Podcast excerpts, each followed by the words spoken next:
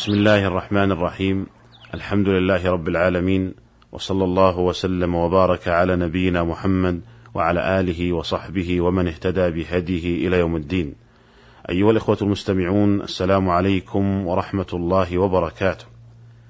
لا يزال الحديث موصولا عن شرط استقبال القبلة في الصلاة. وقد تكلمنا في الحلقة السابقة عن الحكم فيما إذا اشتبهت القبلة على المصلي. وذكرنا أنه إذا كان يحسن الاجتهاد في طلب القبلة بأن يعرف القبلة بعلاماتها وأدلتها لزمه أن يجتهد. وإذا اجتهد وصلى فصلاته صحيحة حتى ولو تبين له فيما بعد أنه أخطأ في إصابة القبلة.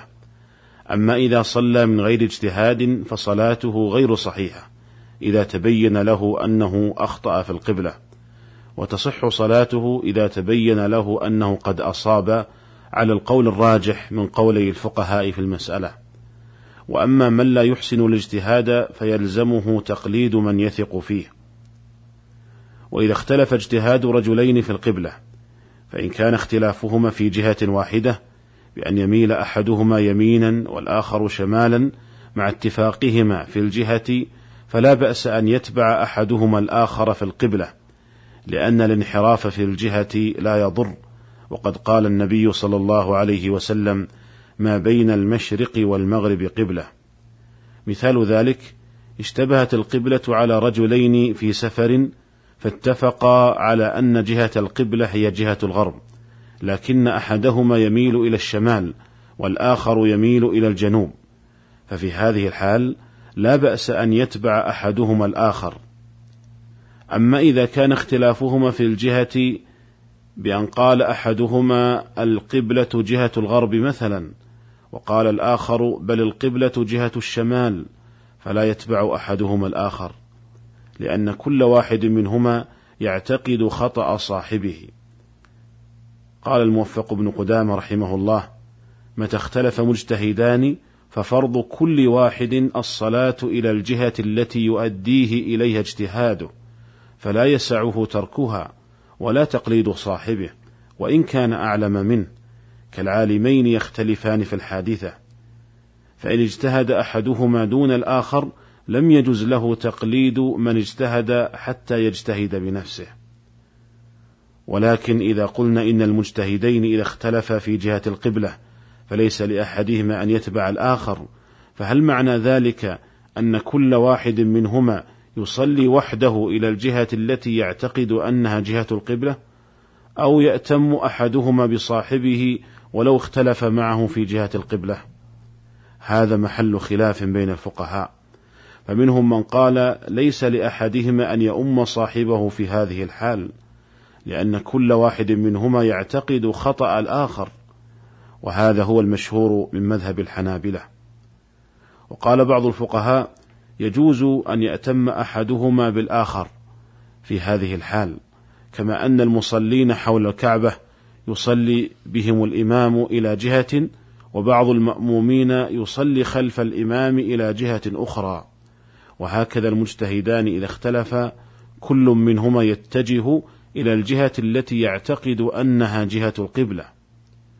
ولعل هذا القول الأخير هو الأقرب في هذه المسألة والله أعلم.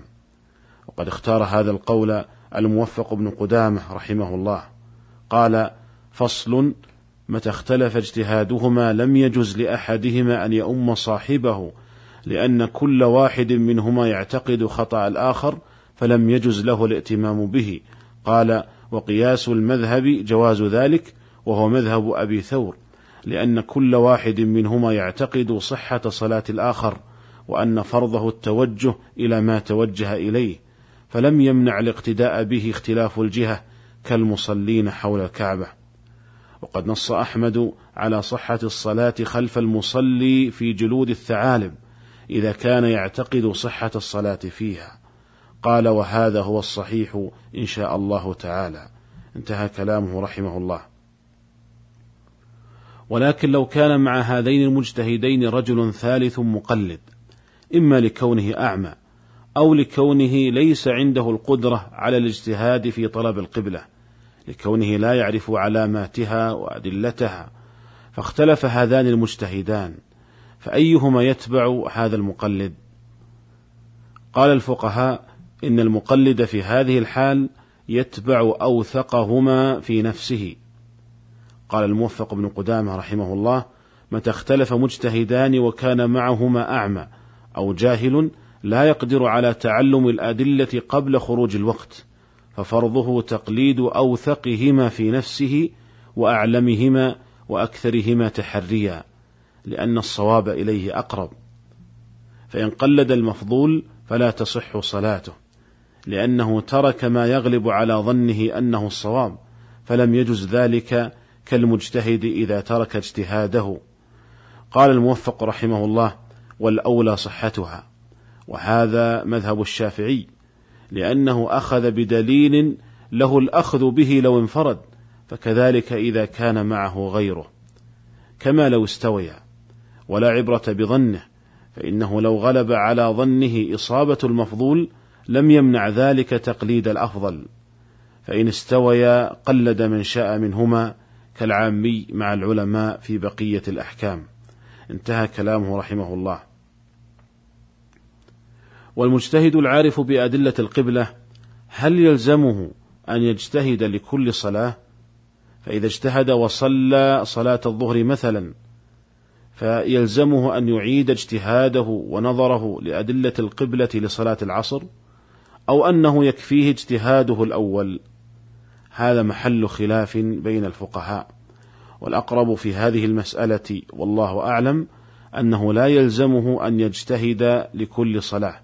ما لم يكن هناك سبب يقتضي إعادة الاجتهاد كأن يطرأ عليه الشك في اجتهاده الأول فحينئذ يعيد النظر ويعيد اجتهاده.